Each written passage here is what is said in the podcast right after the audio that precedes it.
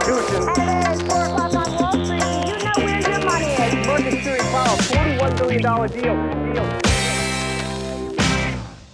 Då säger vi äntligen bonusavsnitt, för det är ju inte måndag, men det är ju så att jag hade en spännande gäst som kom förbi Avanza och då kände jag att jag ville göra ett poddavsnitt också, så vi säger helt enkelt äntligen bonusavsnitt och temat för den här podden är riskkapital, affärsänglar och eh, såddkapital och den typen av investeringar som lite grann ibland förknippas med lite mystik, men jag tänker mig att vi ska med dagens gäst reda ut det här lite grann. Jag har med mig Elisabeth Tand Ringqvist som bland annat får man säga är ordförande för Svenska Riskkapitalistföreningen. Varmt välkommen Elisabeth! Tack så mycket. Kul att ha dig här!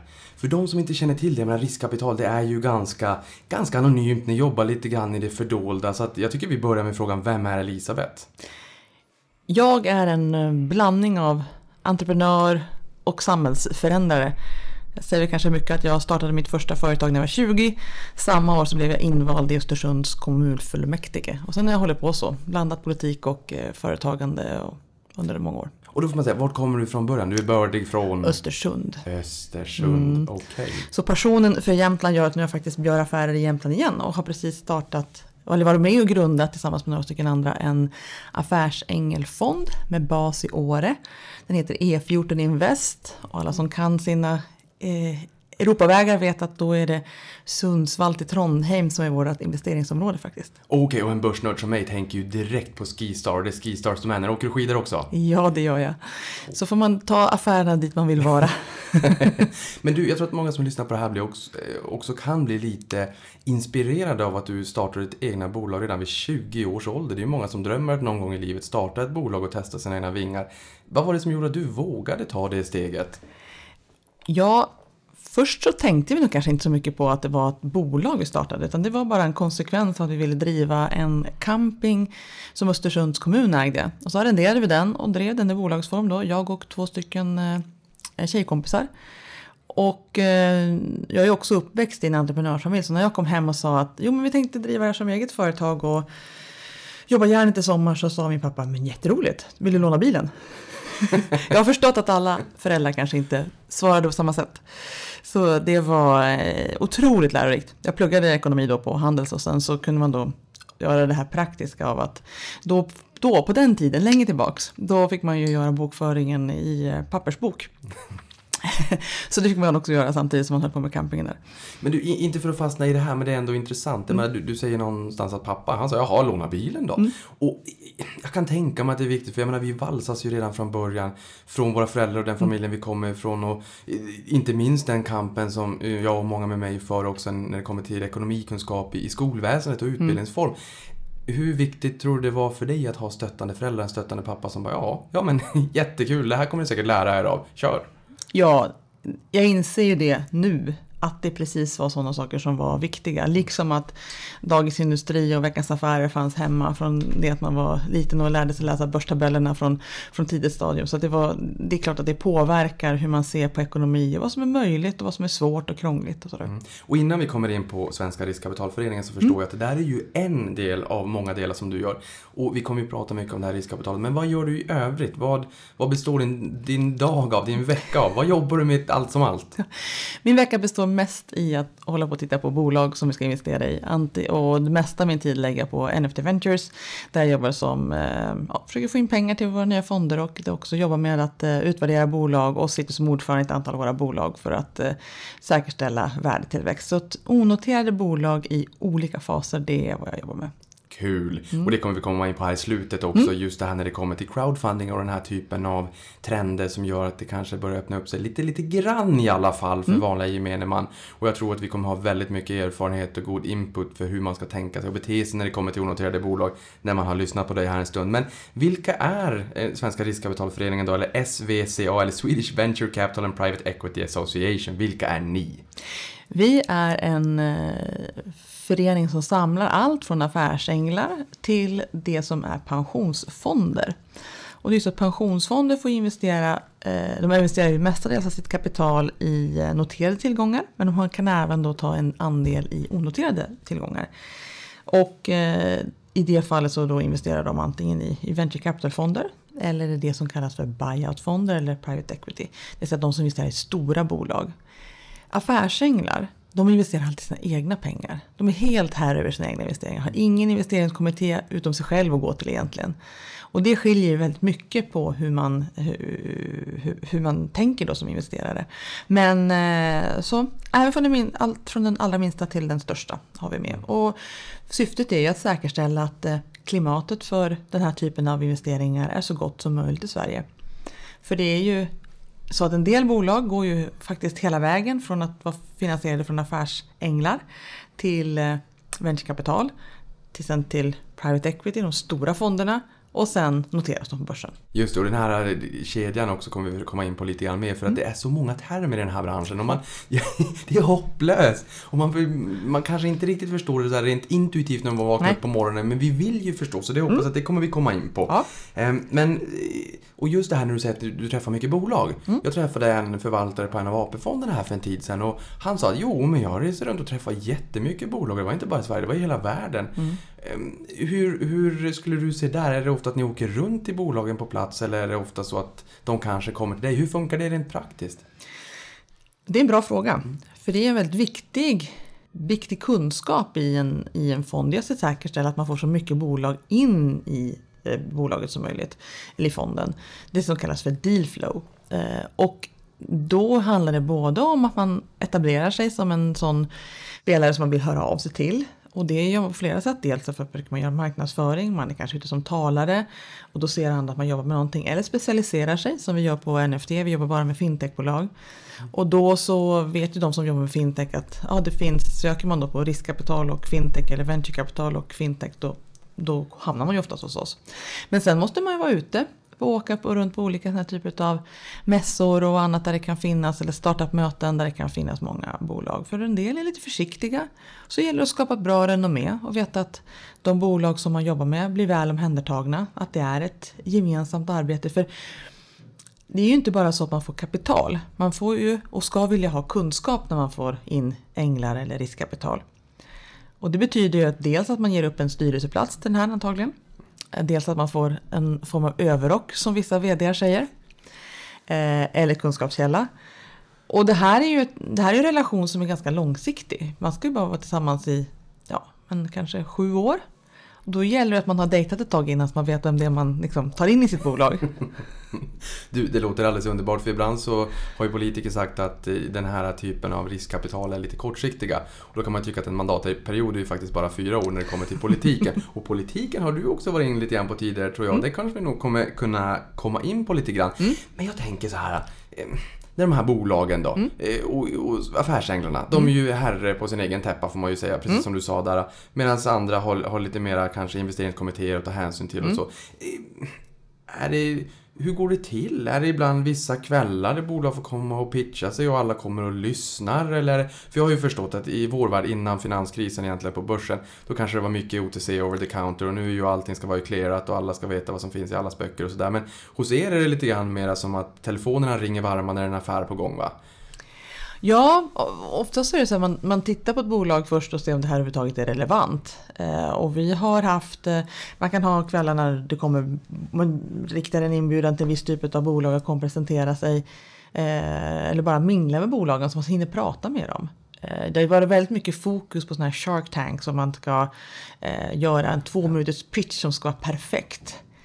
Jag ser att vi är på väg bort från det ganska mycket ja. för det, det kräver att man faktiskt förstår lite mer om ett bolag eh, och framförallt de människorna bakom och vad, vad är deras drivkraft för att starta det här bolaget. De kan ha världens bästa, fiffigaste idé men om det inte, inte finns någon, någon som marknadsinsikt om den här idén, ja då är det inte så stor poäng att, att, att sälja den. Eller så har de en jättebra idé men har ingen aning om hur man ska sälja den. Eller de tänker att lite grann som Ericssons T37, att det är världens bästa produkt och den kommer ju antagligen slå världen med häpnad. Men så fanns det annat som folk tyckte var snyggare. Tyvärr. Exakt. och det där är ju en, eh, det där är en ständig dialog. Så, men, så det, det, är ganska mycket uppsökande verksamhet och man måste nog gilla att träffa och förstå människor för att vara en uh, riktigt bra investerare. Framförallt på de mindre typerna av bolag för att vi måste ju göra så pass många investeringar för vi vet ju att hälften i princip kommer gå konkurs. Det är så pass alltså? Ja, men sen kanske de andra affärerna blir väldigt bra ja, då? sen är det några av dem som blir fantastiskt bra.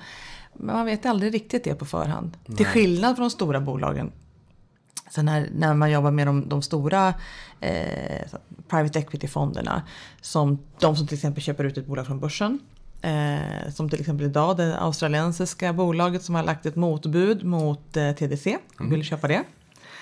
Eh, då är det ju någon som har räknat åt alla håll, på håll. För man får ju ingen mer information på ett noterat bolag än det som finns tillgängligt när man lägger ett bud. Eh, Men eh, Stöka till det lite grann för Kinnevik då. Ja, det, så, så blir det. Och det där stö, det stökas ju till ganska mycket för ibland är det ju så att det är ett, är ett eh, private equity-bolag som lägger ett bud och sen är det en pensionsfond eller en hedgefond som ligger och säger att nej men ni får inte ta hela det här budet, vi tänker inte sälja till er så för kör, kör lite utpressning. Så att, Ja, Elliot Capital har vi sett både Mm. på Nordnet och, och Axis med flera. Ehm, när det kommer in och där tar en liten corner och säger mm. Mm, mm, mm, här får ni betala mer om ni vill ha våran lilla corner. Mm. Exakt. Men jag blir också sådär nyfiken när det kommer till här hisspitchar och Ja. Mm. Shark Tank och Draknästet. Jag menar, där har vi vår egen ordförande Sven Hagströmer och det har ju varit Rickard Båge, Mats Gabrielsson och Gunilla von Platen och alla de där som var... Och det var ju kul. Eh, Mm. Både jag och många tyckte att det var kul att titta på det där. Men som du säger, det är på väg bort. Och då blir jag nyfiken, var det någonsin sådär? In, alltså inte bara i TV, utan var det någonsin så Ja. att det var korta hisspitchar? Ja, det är det. Det är väldigt mycket fokus. Det är för det man får lära sig. Det ju, eh, startup 1.0, det är att ha en bra pitch. Och det måste man ha. För om du träffar någon så måste man kunna berätta vad man gör på två minuter och det är en bra träning. Men som investeringsunderlag så är det inte sådär mm, toppenbra. Det kan möjligen vara bra som sållningsmekanism att lyssna på tio stycken och så säger du så här, men de där är i alla fall relevanta i typet av vad produkt som de gör och sen tar man vidare samtal därifrån. Men eh, det är alltid bara en eh, introduktion. Men nu har det blivit sån konstform att folk pratar mer om sina personliga historier och, en, och gör en rolig presentation. Man förstår fortfarande inte hur man ska tjäna pengar, vilket jag tycker på något sätt är en grundläggande grej i det hela. Har den här storytellingen har Ja. tagit över Ja. lite grann.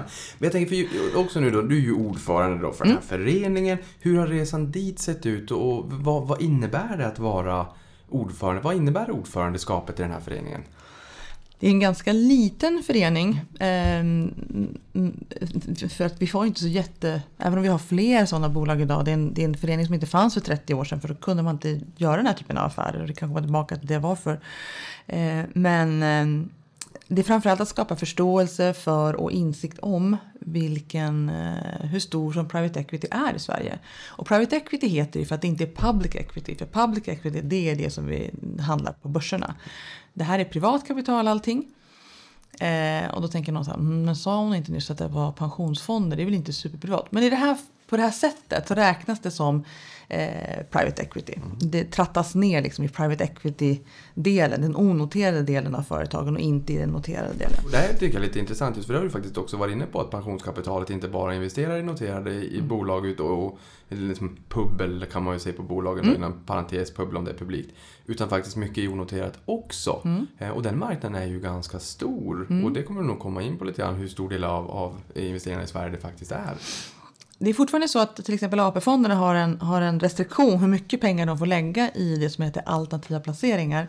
Som är allting ifrån eh, fastigheter, vägbyggen och så onoterade eh, bolag som det här.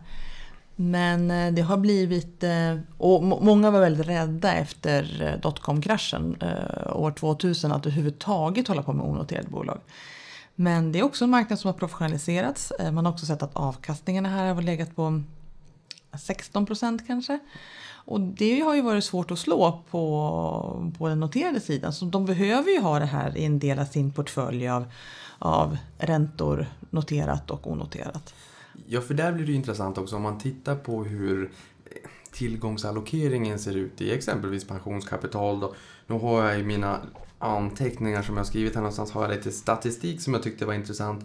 Och det var ju hur värdeskapande ni har varit. För just ni använder ju ett nyckeltal som IRR, Internal Rate of Return, som, som ni måttstock kanske lite grann på lönsamheten. Finns det andra nyckeltal som ni i er bransch tycker att ja, men de här är ändå viktiga att titta på? Eh, onoterade bolag tittar alltid på ebitda, eh, till exempel på, på, på resultaträkningen. Medan man på noterade bolag också tittar på ebit. Det är ju också en väldigt eh, rolig skillnad mellan de här. Och, Men och varför är det så då? man vill förstå grundläggande vad den här det företagets intjäning. Eh, ja, och det är det som är, sen, sen är det andra är ju olika former av finansiering av den och det är inte så, det är inte så viktigt egentligen när man har, för det är ofta så här, så är det ju ett, det är fonden som på något sätt borgar för att du kan ta upp de lånen som du gör. Och det här kan man ju säga att det är lite, lite orättvist kan man säga. Jag var ju vd för Företagarna tidigare och jobbade mycket med familjebolag och familjeföretag. Och för många av dem så, så var det svårt att mm, ta upp lån, eller svårt, men räntorna blir oftast högre. Det är ju för ett eh, etablerat både venture capital-bolag men också framförallt då för buyout-bolagen som ofta jobbar med belåning eh, i, eh, när de gör sina köp av företagen. De är ju väldigt trovärdiga hos banken. De har bra bankrelationer eh, vilket gör att de får ner sina räntor betydligt än om det skulle vara en, ett, ehm, ett familjeföretag till exempel. Men de har ju också en otroligt stark tillväxtambition. Och det är också viktigt att säga, när behöver man riskkapital? Och många företagare säger, men det där behöver inte jag. Och det behöver man antagligen inte. Om man inte vill växa väldigt snabbt så behöver man inte ha det. Nej, och det kan man säga för de som lyssnar på det här också, ebit eller ebitda, det är alltså rörelseresultatet eller ebitda, alltså rörelseresultat före av och nedskrivningar. Och min poäng där också var ju det som jag tyckte var lite intressant, är att vi i Sverige är den tredje största PE-marknaden i Europa och har haft en sån här IRR, då det här nyckeltalet som du pratade om, som ligger i toppklass. Ja. Men, och vad, vad är det vi gör som gör att vi i Europa är så duktiga på det här då? Vi är duktiga på det här för att vi faktiskt jobbar med bolagen på riktigt. När de svenska eh, private equity-bolagen, de stora som ja, EQT eller Segula, Alton och Nordic Capital Eh, går in som ägare så har de en väldigt tydlig agenda för vad de vill göra med bolaget.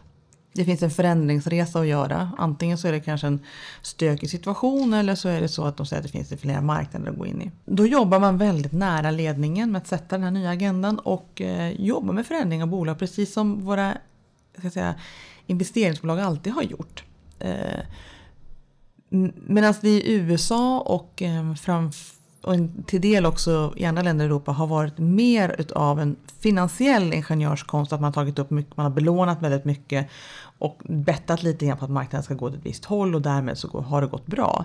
Och så kunde man göra i riskkapitalets tidiga faser, alltså på kanske 80-tal, 90-tal. Men den, den svenska modellen kan man säga för att eh, förändra bolag och skapa riktiga värden.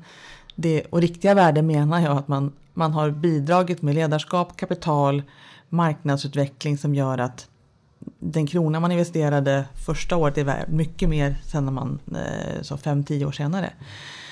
Det, är, eh, det har visat sig väldigt framgångsrikt. Ja, där får man ju säga också att den här siffran som du sa på 16 procent, jag menar, de som lyssnar på det här kanske har hört förut att just 15 procent om året, det fördubblar ju faktiskt kapitalet på fem år.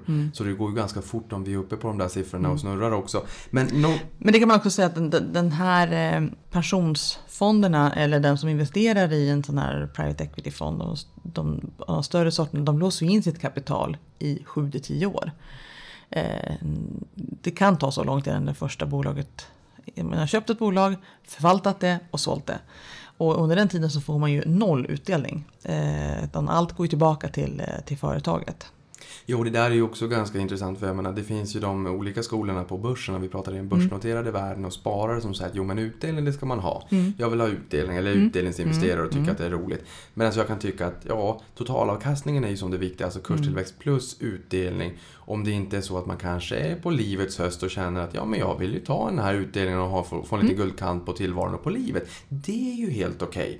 Men det känns ju som om man då har, ja men som jag då är är 30 år och jag ska spara för många, många årtionden framöver och känner att jo men det är klart att det är kul att få lite hard cash in på kontot. Men samtidigt, det blir ju kanske ett spel för galleriet för då måste ju jag ju sätta dem där i arbete. Och är det ett bolag som är rätt duktiga och vet vad de sysslar med och kan sysselsätta det där kapitalet till ganska mycket högre lönsamhet än vad jag kan göra, ja men då borde man ju satsa på det och det hör ju jag på när du berättar här att det är precis så man tänker.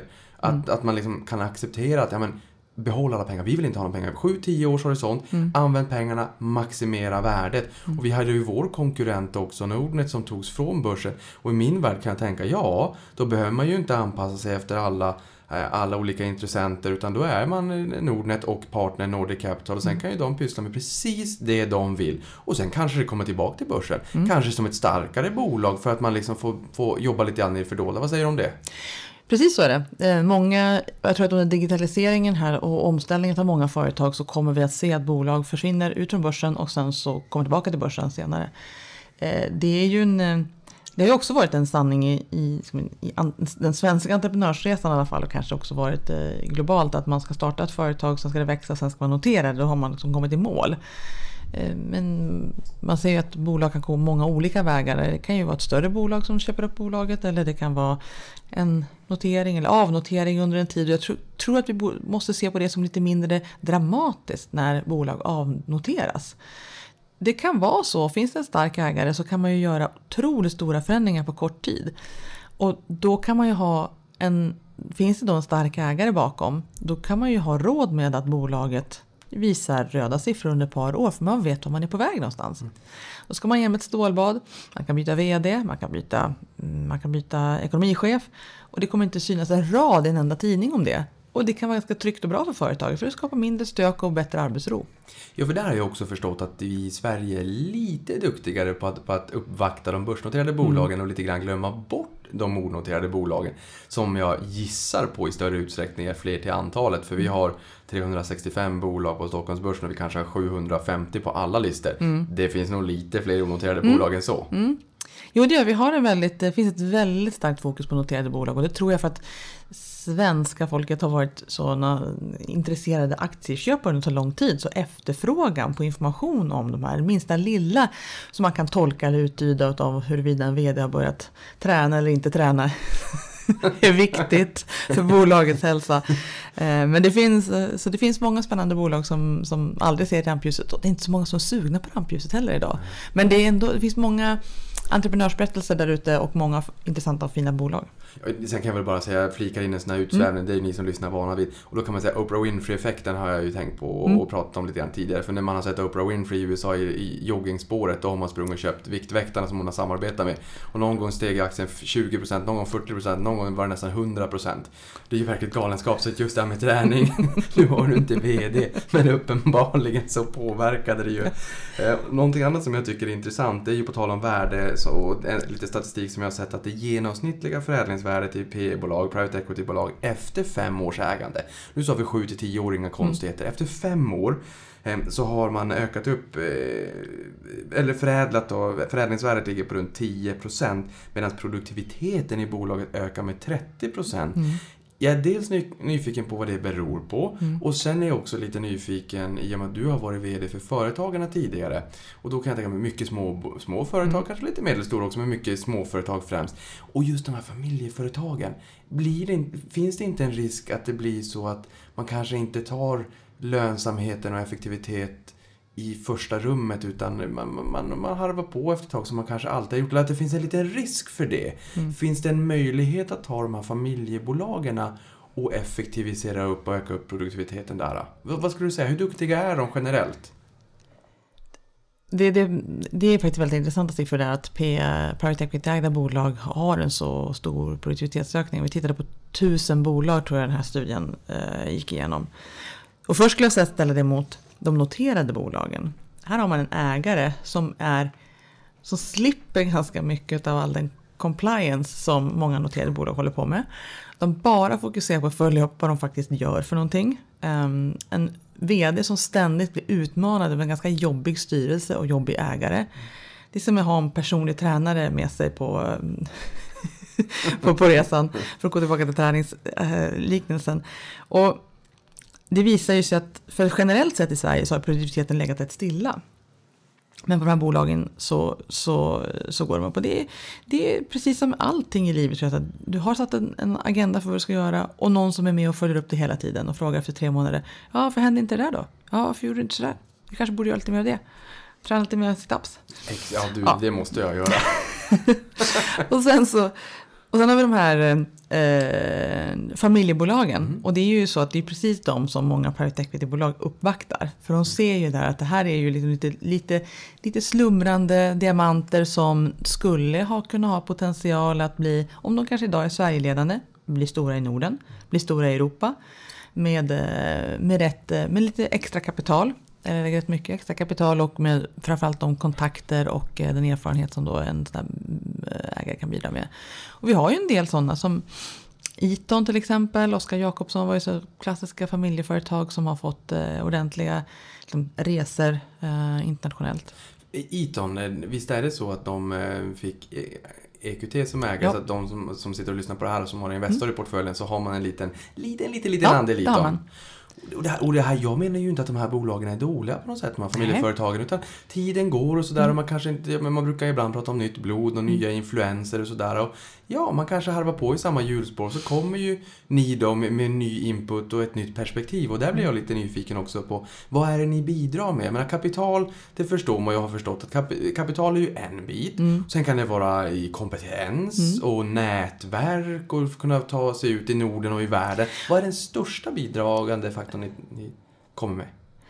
Ja, jag tror att de är, de är nog lika stora skulle jag tro. Men, och kanske olika viktiga vid olika tidpunkter. Men, men nätverk låter ju lite så här tramsigt och platt. Men det är klart att ett bolag som har, sitt, eh, som har haft samma familjestyrelse kanske under lång tid. Eh, som då får tillgång till personer som kan industrin från samma industri fast från helt andra erfarenheter. Och eh, när man är ett bolag som kanske ska gå, vill expandera till USA. Alla vet att det är väldigt tufft att gå in i USA. Men eh, med en uthållig ägare och med de kontakter som behövs. Och konstigt nog så är det så att i, i internets värld där man egentligen kan hitta vilken kontakt du vill så verkar det ännu svårare att hitta rätt. För det finns så otroligt mycket. Och nyttan av att ha veta att du kan ringa de här fem personerna för att komma rätt eh, och du vet att det finns någon som kan hjälpa dig att göra en karta över vilken stad eller vilken typ av affär som du ska göra först.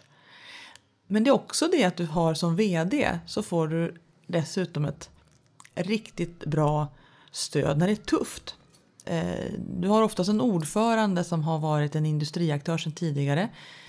I den så att säga, svenska modellen att driva eh, private equity så sätter man oftast in en ordförande som inte tillhör eh, fonden, som till exempel Nordic Capital. Så personen som ordförande är inte den som är förvaltare där utan det är någon industriperson eh, som har antingen gjort samma förändringsresa in i en annan bransch eller kan branschen eller vad man nu väljer för någonting. Och det där är ett enormt stöd för en vd som kanske annars har varit ganska ensam. Speciellt när man kommer från ett familjeföretag. Där man kanske haft mindre intresserade syskon eller en, en far eller mor som har gjort på sitt sätt. Och det kan ju vara ganska tufft att driva förändring då. Ja, och många intressen att ta hänsyn till. Men, men när man då partar ihop sig med det här bolaget, är det så att ni som aktörer köper upp bolagen eller vill man knyta sig an nyckelpersonerna, att de här kanske grundarna, familje, familjen som har grundat bolaget får ha kvar en liten andel för att ha kvar incitamenten. Hur, hur funkar det? Jo, så är det. Man vill ha kvar de som har grundat. Eh, och det finns också en nidbild av att man köper upp bolag och sen så sparkar man alla. Det vill man ju absolut inte för värdet ligger ju i de som har byggt upp det här på olika sätt. Så man har kvar Eh, private equity gör så att de köper upp 90-95% av bolaget. Eh, så har man en del kvar i den som har varit, kanske varit ägarfamilj. Eh, och sen så ser man till att den tillträdande styrelsen också eh, köper in sig i bolaget. Så att alla har exakt samma incitament. Eh, och det är en väldigt viktig del för att då fattar man beslut inte bara om bolaget generellt utan som styrelseledamot även om sina egna pengar. Det, är bra, det är en väldigt bra funktion i eh, de här bolagen. Mm. Och eh, någonting som jag är lite nyfiken på det är just den här termen riskkapital. För det tänker man ju att ja, det där är ju väldigt riskfyllt. Men du sa ju private equity, alltså de privata onoterade bolagen. Är det rätt att ens säga riskkapital och private equity eh, och, och vad heter det, onoterat kapital? Går det att dra en, liksom ett lika med tecken där? För ofta så pratar man ju riskkapital och sen så får, man, får ni lite skäll. Ja, och riskkapital är en väldigt konstig benämning för att Även på börsen. ja, jo, kapital är, riskkapital är kapital som ris- riskas på något sätt. Och eh, när det gäller private equity, framförallt i de här stora fonderna, så är det ju verkligen inte speciellt stor risk. De har ju eh, räknat fram och baklänges på, på, på allting, de vet precis vilken risk de tar. Däremot när man jobbar som affärsängel eller venturekapital, då är det risk. För då vet vi som sagt att det är ju en, hälften av bolagen kommer gå i konkurs antagligen. Mm. Fast man tror ju inte det från början. Man vill ju tro att alla kommer bli fantastiska vinnare. Exakt. Och den här föreningen då? Ja. För, för det är både affärsänglar då, de, Ja. Mm. de ansvarar för sina egna investeringar och sen så de andra aktörerna. Eh, hur funkar ägandet? Är ni en branschorganisation? Hur, hur, hur fandas ni? Är det av medlemmarna? Det eller är medlemsavgifter, som, precis som vilken branschförening som, som helst. Och eh, det är... Eh, och som sådan så blir vi då samtalspartner till olika typer av myndigheter och andra som vill förstå mer, behöver förstå mer. Och, och, eh, men den här är ju, det är ju en ganska ny företeelse. Jag tror att kanske äldre lyssnare funderar, var, var kom det här private equity helt plötsligt ifrån? Men de äldre lyssnarna kommer också komma ihåg att vi hade valutareglering. Och några av er har sett eh, Fick inte ta med för mycket pengar utomlands. Nej, några har sett Sällskapsresan och undrar, och så yngre personer som ser den idag undrar varför har de pengar i ett Vasabrödsknäckepaket? Men det var faktiskt så, man fick inte ta in och ut pengar så mycket i Sverige och det gällde även investeringar. Så 1900, jag tror att det är om vi säger 90, ehm, ja precis vid valutaavregleringen där, så det måste vara 89, 88 kanske. Då var, tror jag att det var bara 5% utav ägandet på den svenska börsen som var utlands. Okej. Och idag är det 45%. Just det. Och det speglar också att det gick inte att göra sådana här fonder eftersom väldigt mycket av fondpengarna till eh, både venturefonderna och eh, private equity-fonderna de kommer ju från amerikanska och internationella pensionsstiftelser och försäkringsstiftelser. Och de kunde inte komma in i Sverige. Så det var väldigt svårt att bygga sådana här bolag bara med inhemska pengar. Så därför tog det så lång tid och när det väl de släppte då så etablerades ett antal eh, fonder där tidigt 90-tal. Det där är ju jätteintressant och just avreglering av valutaregimen. Vi hade 500% ränta därför, Mm. dessförinnan. Men, men just, för jag vet att det har varit en rekordsiffra nu på börsen bara här för någon vecka sedan. Vi är uppe på en 44-45% av någonstans utländskt ägande där. Mm. Och där fluktuerar ju över tid såklart. Vi är ju ett litet öppet exportberoende land med flytande växelkurs och Mm. kapitalen får flöda över gränserna. och jag menar, jag, har, jag vet mina kollegor, unga aktiesparare som jag är eh, uppväxt och valsad i. Mm. Vi var där på en investerarresa 2014. Då var det ju valutareglering. Och, och de hade 17 inhemska aktier att välja på. De tyckte inte alls att det var något roligt när vi pratade amerikanska aktier. Men, jag tänker, de, de, de ehm, eh, hur viktigt har det utländska kapitalet varit för de här mindre bolagen i, i, som behöver private equity-kapital i Sverige idag jämfört med förr i tiden? Avgörande viktigt. Jag tror att det utländska kapitalet är väl mm, kanske, det är säkert mer än 90 procent av det kapital som kommer in i Sverige. För det finns, egentligen så är det bara Skandia och eh, mm, lite grann av AP-fonderna som har investerat i, i de svenska riskkapitalfonderna. Så det, är, det är mycket kapital som, som liksom kan kanaliseras genom private equity-bolagen. Okej, och ni behöver ju lite hjälp på traven också. För jag vet att när du blev utnämnd som ordförande 2015 så stod det i pressmeddelandet eh, att föreningens opinionsbildande arbete växlas upp för att öka förståelsen för riskkapitalets betydelse för Sverige och växande företag. Eh, vad betyder riskkapitalet för Sverige? Det är en ganska stor del av Sveriges BNP har jag också förstått. Men vad betyder det? Och det här opinionsbildandet, vad betyder det rent praktiskt? praktiskt? Lyssnar de på er? Ja, absolut. Och opinionsbildande arbetet har mycket handlat om att prata om det vi pratar om här. Alltså fram siffror som visar på storlek och effekt och varför det inte fanns förut och när, när det kom till Sverige och, och hela den berättelsen. Det var ju ett antal entreprenörer som startade de här fonderna och de hade ju nog med att göra med att hålla på med sina affärer och tänkte väl inte så mycket på något annat. Och sen kom de på att sen hamnade vi i en situation och inser att men det här är ju 200 000 anställda som har sina arbetsplatser i private equity-ägda bolag. Eh, Det finns en karta på vår hemsida där man kan se sin, liksom sin kommun vilka bolag som ägs av private equity. Allt från Arken Zoo till Leos Lekland och man kan gå på Teknikmagasinet och handla skidor på Intersport. Allting är backat av riskkapital idag. Men du, den där tror jag nog att många vill se. Vad är adressen till er hemsida? svca.se. Perfekt, den ska åtminstone jag kolla på. Eh, Sen skrev ni också att Sverige står inför enormt stora utmaningar och att det egentligen bara är entreprenörerna som har förmågan att tillräckligt snabbt ta, ta, och kreativt ta tag i det här. Är det fortfarande så? Ja, det tror jag. Jag, jag kan inte se att... ehm, man kan väl se i um, fintech-världen som jag jobbar mycket med. Så fanns det först en motstånd mellan bankerna och fintechbolagen och sen så kom det en sorts krasch för två och ett halvt år sedan eller tre år sedan. Till sen såg banken att ja, men det här måste ju vi kanske lära oss av och vi har ju inte de bästa förutsättningarna för att ha entreprenörer inne hos oss.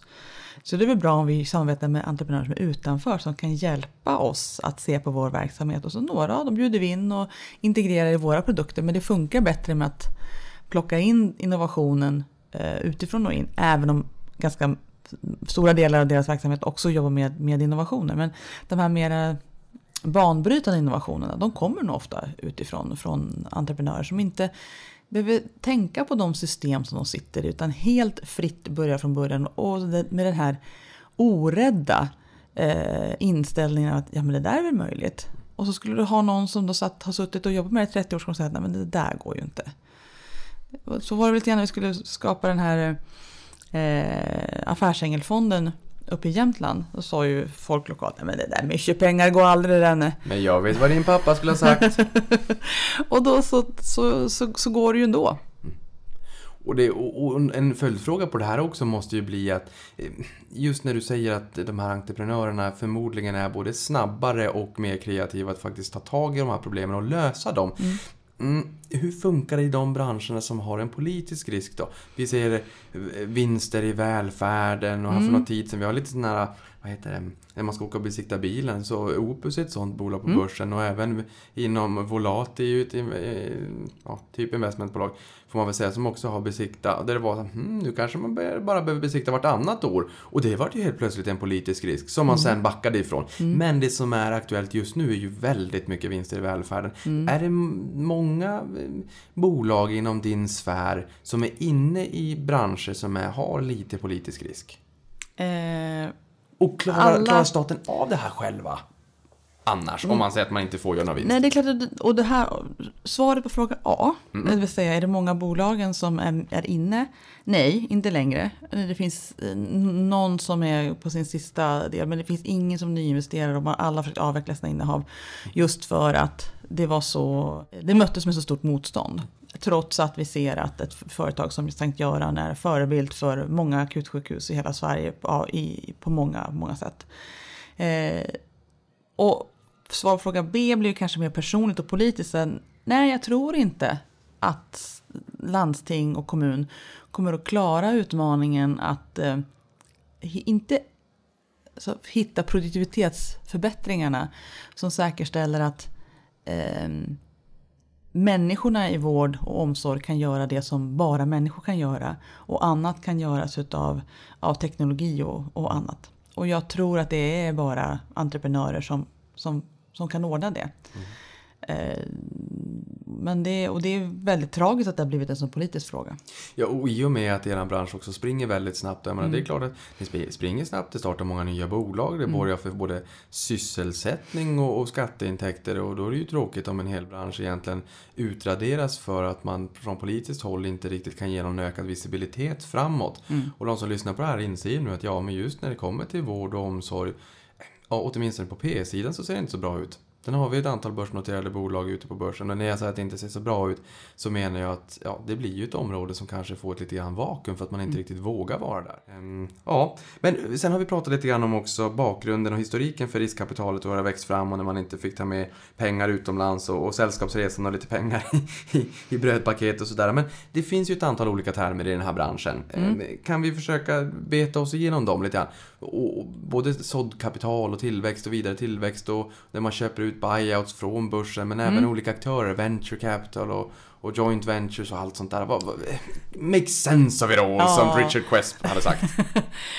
då, börjar vi, då börjar vi i det som är det första, eh, det minsta, det som kallas för såddkapital.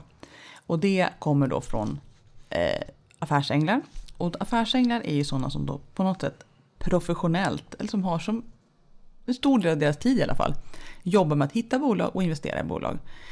Sen kan det också finnas det som kallas för privatinvesterare. Ja, men det kan vara så att du gillar min företagsidé och tycker att ja, men jag tar en del av mina sparpengar och investerar i, i ditt bolag. Eh, då är man kanske inte affärsängel men privatinvesterare. Men en mini-affärsängel? Ja, mini-affärsängel. och då, men allting det är såddkapital. Och sen så finns det då i, finns, det finns en, en jättestor flora inom det här så pratar folk om eh, serie A, serie B-rundor och det kan vi strunta i. Allting är liksom tillväxtkapital i tidiga faser. Eh, och sen så som i steg två, då möter man det som är venturekapital. Det betyder att några stycken har kommit fram till att de är jätteduktiga på att hitta bolag, som till exempel vi på NFT tycker då. Och sen så har vi en, eh, då har man, investerar man de som är delägare en liten del själv och sen så investerar pensionsfonder och andra en större del. Eller det vill säga typ 98 procent. Ehm, och då letar vi bolag. Så då, måste man ju, då har man ju en investeringskommitté som man måste hela tiden redovisa till. Då kan man ju inte investera i det man har lust med utan då måste man ju ha på något sätt visa upp att det här har vad det finns för, för, för logik att göra den här investeringen. Och så ser investeringskommittén en jättebra, toppen idé och så gör man investeringen. Och sen händer det ofta så att eh, bolaget efter ett år har slut på pengar. Och då får man gå tillbaka till investeringskommittén och säga ja, vi tycker fortfarande att det här är ett bra bolag. Så vi borde vara med och investera mer i det här bolaget. Och så där kan det hålla på ett tag. Och så tar man in några nya ägare och som, som det, en viktig roll som venturekapitalist är också att säkerställa att man hittar nya partners att ta in. För man vet att man bygger ju på kapital där kanske ja, var, var sjätte eller var tolfte månad. Okej. Men sen så har vi ett stort hopp till det som då är tillväxtkapital eller growth capital kallas det för. Det är, fond, det är då fonder som specialiserar sig på tillväxtbolag som är lite mindre. Man kanske tar en, man tar alltid en majoritet. Man kanske tar 55 till eh, 70 procent av bolaget. Så entreprenören har fortfarande en ganska stor del kvar som de äger. Men behöver det här för, för expansion. Väldigt effektivt till exempel för kedjor som ska, investera, som ska expandera konsumentnära. Och sen har vi den sista delen då som heter buyout. För det kommer ju då för att man köper ut från, från det som är noterat.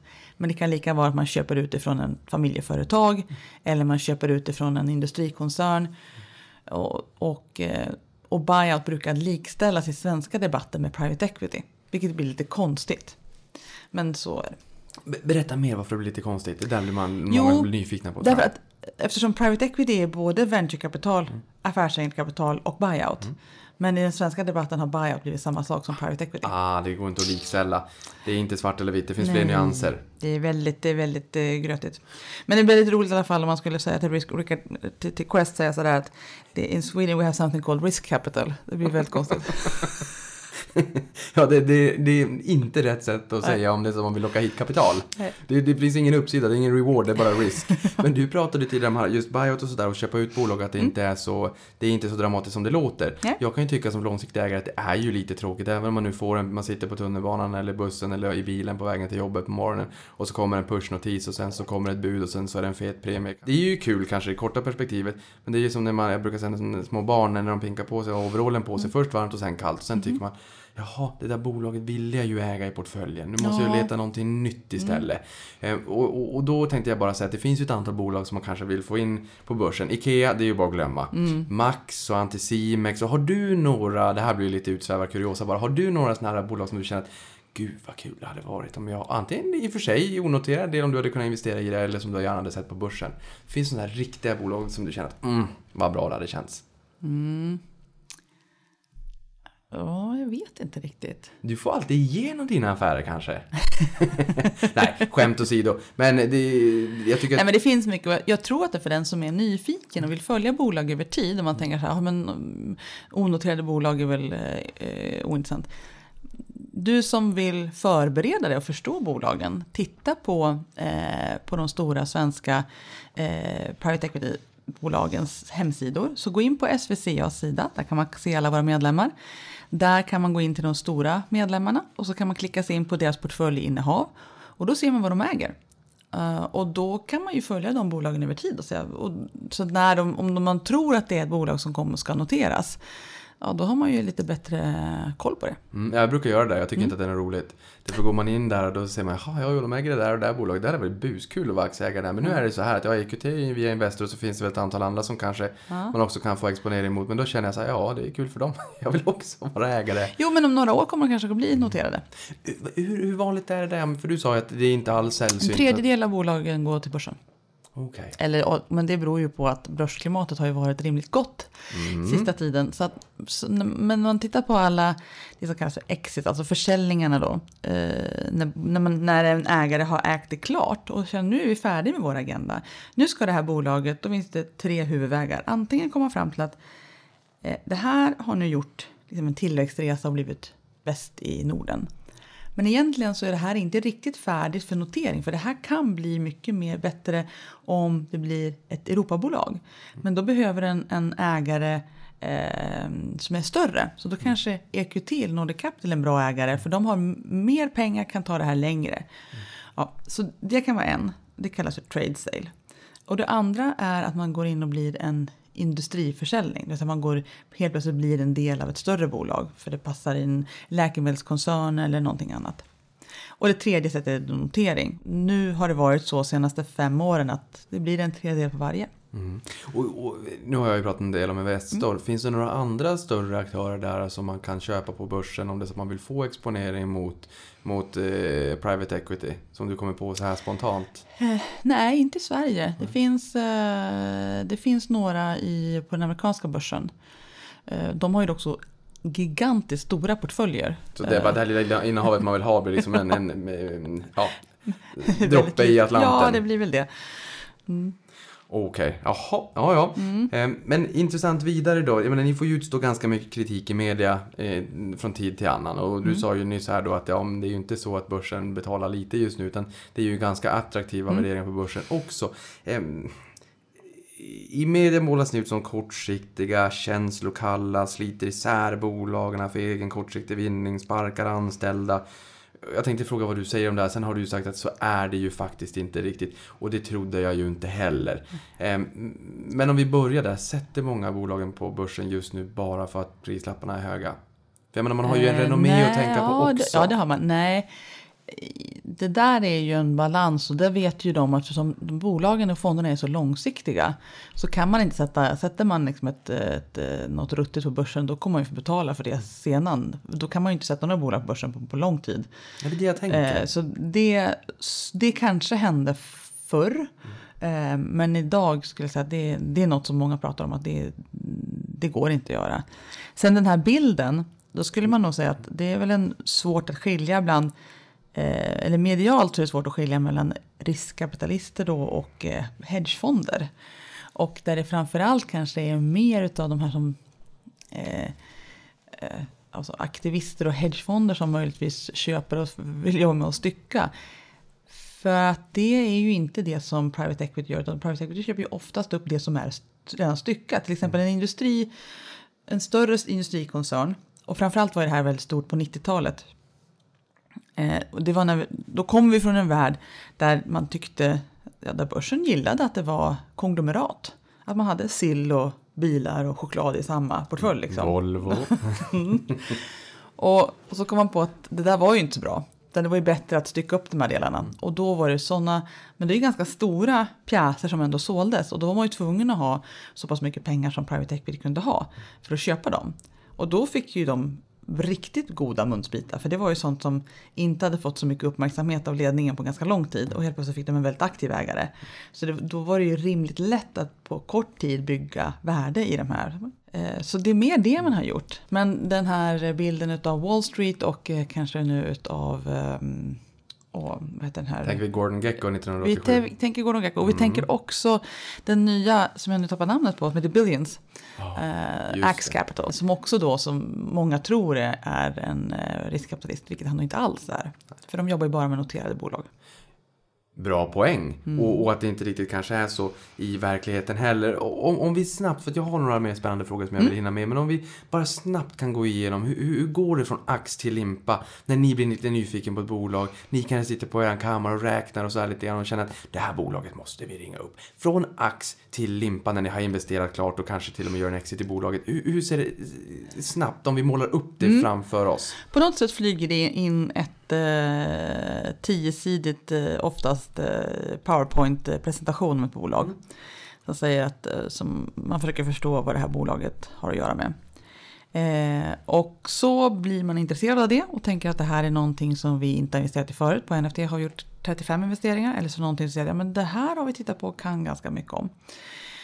Då så bestämmer man sig för en, då har vi oftast ett möte eh, i i vår interna investeringskommitté där vi går igenom det. Så säger någon att ja, men det här tycker jag verkar intressant. Och så tar man ett första möte med bolaget. Och då kan man ju ganska snabbt inse om man vill ha ett fler möte eller inte. Så går man tillbaka till sina, till sina kollegor på, på jobbet. Vi är inte så många, vi är 12 stycken. Så och, eh, och säger att ja, men det här var ett bra bolag. Eh, jag tycker vi ska titta ännu mer på det. Då tar man med sig någon, en analytiker som hjälper till att förstå lite mer bakom siffrorna och, och tar tid med det.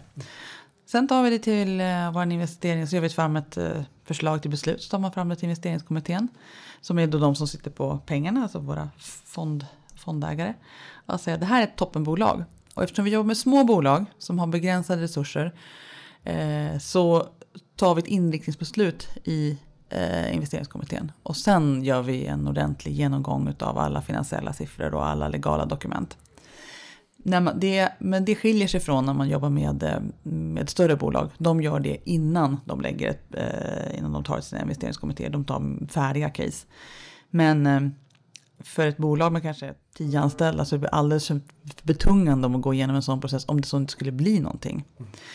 Men det kan ju fortfarande vara så att, de, att det kan, man kan hitta, hitta alla möjliga konstiga aktieägaravtal och konstiga uppgörelser och kanske saker och ting, patent som inte är skyddade. Det finns så många små saker som man tänker, varför har ni gått i den här fällan? Ja. Men när allting är klart och alla papper är i ordning och man har kommit överens om hur mycket bolaget borde vara värt och hur mycket vi ska investera. Eh, antingen så gör man, ger man alla pengarna på en gång eller så säger man att vi får mm, två miljoner nu och sen när ni har uppnått ABC då får ni två miljoner till. Ah, det känner vi igen från Draknästet. och, sen så, ja, och sen så jobbar man ihop. Kul. Mm. Eh, du har ju också varit politiskt aktiv mm. och har ju förmodligen en eh, fin eh, ska säga, kunskapsbas därifrån mm. också. Mm. Och jag tänker lite grann, hur eh, använder du det till vardags och vad kan politikerna göra? För det här kom, frågan kommer som ett brev på post. Vad kan politikerna göra för att underlätta er vardag när det kommer till riskkapital, när det kommer till unga bolag i såddfas, när det kommer till att ha en bred bas av bolag för att borga för sysselsättning going forward. Och det här går ju in i ditt gamla jobb för företagarna också. alltid ett fråga. Ja. Um, en stor fördel är att förstå reglering och vad, hur reglering kommer att fungera. Och vi har haft inom, framförallt inom, och det är därför jag jobbar så mycket med eh, fintech. För det är regleringstungt och vi måste ha, många av våra bolag har tillstånd hos Finansinspektionen. Vi måste förstå Datainspektionen, måste förstå hur EU-lagstiftning kommer att drabba företagen eller inte drabba företagen. Och då är det en stor fördel att kunna, kunna förstå vad, vad lagstiftningen står för och var den är på väg någonstans. Men sen när det handlar om, om generella villkoren för, ehm, för våra bolag så är det att se till att incitament för att starta och driva företag ska vara så bra som möjligt. Och då kan man säga att det är inte jämfört med lön så är det inte rättvist. Man måste ändå utgå från att de som är entreprenörer de tar en otrolig risk. Och här har politiken både faktiskt till höger och vänster svårt att förstå att det, om det inte är så att man har någon lön som kommer varje månad, då lever man i ständig otrygghet. Och den otryggheten kanske då betalar sig efter tio år, när man verkar få ut en enorm summa pengar. Men om man skulle periodisera den över den här tiden. För räkningarna så... kommer ju över tiden. Exakt. Elräkningen kommer inte efter tio Nej. år. Ehm, då kommer det vara, då kommer kanske inte uppsidan vara så stor som den ser ut. Men det där med att så att man måste komma ifrån att risk betalar sig kanske på lång sikt och ibland inte alls. Ehm, och då måste vi få fira de som, eller då måste man få tjäna mycket pengar. Och de som tjänar mycket pengar idag eh, på en affär, de investerar tillbaka det. Och det är en, också ett skifte i hur vi tänker i, i Sverige. Att, eh, vi har en eh, vi håller på att skapa en kultur där man vill ge tillbaka till den industri man kom från. Kanske ta en liten del av sina pengar, om man har gjort mycket pengar, så, så lägger man i någon sån här, ja men jag investerar väl får vi se hur det blir. Man kan inte riktigt räkna på varje investering. Men man förväntas göra och tycker att det är en bra sak att göra. Mm. Och jag har ju förstått det där också att man kanske inte heller bara kan räkna som lön utan att det måste finnas politiska Eh, förutsättningar för att även mm. kunna ge incitament och ersättning. För vi vill ju också ja. attrahera internationell talang. Och, ja. eh. och sen hålla tillbaka med alla de förslag som, har, som kommer ständigt, eller har kommit de senaste åren, som stökar till det. Som regeringen har dragit tillbaka. Mm. Men, Skapar ändå osäkerhet. Mycket osäkerhet. Och mm. framförallt, kanske inte för de allra minsta bolagen, för de större bolagen, alltså de som ska skapa nya typ EQT-fonder. Där är det där blir det effekt om det är så att amerikanska pensionsfonder tycker att det är stökigt i Sverige. Så här, nej, vi väljer inte Sverige för våra investeringar. Då tappar vi, då blir vi en mindre likvid marknad och det är aldrig bra. En, jag har hört ganska många gånger att man säger att Sverige står ut i, i startup-scenen globalt Mm. och, och fintech-scenen, eller tech-scenen ska man väl kanske säga, mm. i synnerhet. Stämmer det? Jo, det stämmer. Vi har på våran per, per capita så har vi lyckats med eh, väldigt många eh, bolag. Och det beror ju på att vi har, är en nation som är som en enda stor test, eh, testbädd. För att våran, eh, vårt användande av digitala redskap är så hög. Och vår vana, framförallt på den finansiella sektorn, att göra saker och ting online har ju, ja, det, den finns inte på andra ställen. Vi ser till exempel att antalet bankkontor per, per capita går ner väldigt mycket i de nordiska länderna men fortfarande ligger liksom flatt i, eh, i USA. Ehm, Många brukar ju också säga att man ska vara försiktig och investera i bolag som kommer till börsen som är ägda av PE-bolag. Eh, och att mm, private equity-bolagen ofta bara lämnar brödsmulor och det, man har liksom redan karvat ut det godaste eller tagit mitten ur pizzan kanske, eller vad man då säger. Eh, vad, hur ser du på det? Ja, nej det är inte vad jag ser. Nej. Och det skulle inte heller vara... Syftet när man sätter den på börsen är ju att man tror att bolaget är liksom färdigt för nästa tillväxtresa. Och eh, det skulle man ju aldrig, man kan inte sätta ett ofärdigt bolag på börsen. Inte som, inte som private equity-spelare. Däremot så finns det ju på smålistorna lite ofärdiga bolag som har haft svårt att få kapital på annat sätt och kanske notera sig lite för tidigt. Eh, men eh, framförallt på med, medtech-sidan. Eh, och där många tycker att det är ganska jobbigt att vara på och vara noterade. Men det är ett sätt för dem att få in kapital. Nej, generellt sett skulle jag inte säga att det är dåligt. Utan det handlar ju mer om en var och ens bedömning av branschens framtid. Jag så, har precis suttit ett bolag på börsen från Nordic Capital där jag sitter i styrelsen som heter Handicare. Som noterades i höstas. Eh, Nordic Capital har ju fått utstå lite kritik. Ehm, Går det att säga någonting? Vad det har, finns det någon generell gemensam nämnare lite grann vad det har berott på nu när vi kan eh, vad ska vi säga, sväva ut och kanske förklara det här på ett annat sätt än vad kvällspressen skriver? Ehm, nej, jag tror jag ska gå tillbaka till det som du själv pratade om, långsiktigheten. Eh, och sen är det också svårt oftast i de först, det första året så, är det ju, så sitter ju oftast private equity-fonden kvar som, stor, som stor ägare. Det blir lite överhäng. Ja, och, och sen så blir det då, så aktien är också lite illikvid från början för det är inte så mycket handel i den. Så därför så, kan man inte döma dem förrän det har gått kanske ett par, tre år när den fungerar som en, eh, som en riktig aktie. Ja, men det är väl ett bra tips. Jag brukar säga att man, det är inte fel heller att låta ett bolag få, få liksom gotta in sig eller flytta in sig eller bo in sig i en noterad miljö. Ja, men det tycker jag är ett bra tips på vägen. Sen kan vi säga Ratos är ju ett exempel där det kanske liksom, det har varit lite svårt. De gjorde många investeringar 2007 innan finanskrisen. Mycket norsk eh, oljeindustri, vi hade vindkraftverk i Kina och sen så la de femårsplanen på, på hold. Eh, det hade varit lite jobbigt för mig. Jag- brukar säga liksom att det är ju ett people's company, det är ju människor det handlar om. Och det är ju de som ska skapa värde. Det sitter så mycket i, i, i humankapitalet. Eh, vad är det som gör att vissa lyckas och vad, vad kan vi säga någonting om... Vi ska ju inte sitta här och, och, och raljera eller, eller försöka komma fram till vad Ratos gör fel. Men, men vad är det som gör att vissa lyckas då? Jag är svårt att bedöma det, men jag kan väl säga så att jag tror att det skulle kännas väldigt svårt att vara, jobba med, med eh, portföljinnehav som var hela tiden, där man måste mm, också kvartalsrapportera om innehaven. För jag tycker att en stor poäng är att man kan ha kvartal där det går lite sunkigt eh, utan att behöva rapportera om det. Eh, utan det Och att aktieägarna ska förstå det Ja, också. Mm. och, och det är slutet som räknas. För vi som är, är aktieägare just nu, vi förstår allting. Men de är ju ganska lättinformerade för det är kanske bara 10-20 stycken. Mm.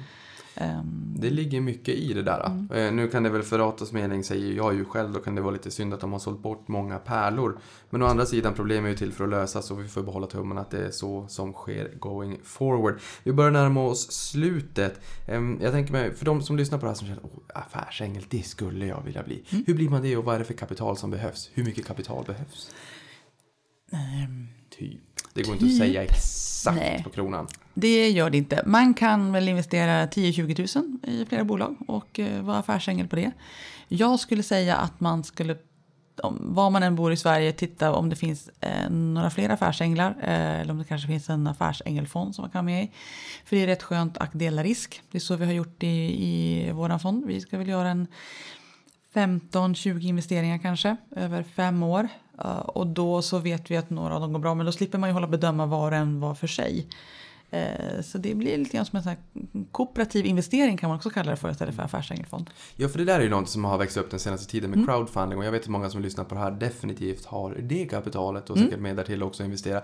Men förutom de här crowdfunding-plattformarna, eh, i den bemärkelsen, det, det är liksom din nisch som du jobbar mm. i, går det att för, för mig och för mina lyssnare att någonstans eh, samorganisera oss och göra investeringar? Jag menar, jag har kollegor här på bygget som tycker att onoterat är roligt, som investerar mm. i en massa spännande bolag. Det ena mer spännande än det andra, som faktiskt är välkända bolag. Och jag har själv köpt aktier av, av, av mm. vd i bolag som har varit onoterade. Nu är jag inte jätteofta, men jag har faktiskt gjort mm. det. Och jag vet inte om det är vanligt eller inte, för jag kan ju ingenting om just den här branschen. Och jag blir så nyfiken om man har kapitalet och viljan och vill mm. lära sig. Sen kanske inte alla har um, Eh, nätverket eller, eller kompetensen riktigt ännu. Speciellt inte om man är lika, eh, om, man, om man är ung så att säga. Mm. Men, men vart börjar man? Hur kan man organisera sig om man känner att det här med crowdfunding-plattformar på nätet, det är spännande i sig. Man vill liksom någonting man, mer. Nej, mm. Jag skulle kanske titta på, eh, dels för att se om det finns någon affärsängel eh, sammanslutning där man bor. Mm. Och sen finns det också en, eh, ett forum som heter Keiretsu forum som man kan hitta på nätet som finns här i Stockholm och kanske finns på andra ställen också i Sverige. Och finns det inte det så kanske man kan vara den som startade.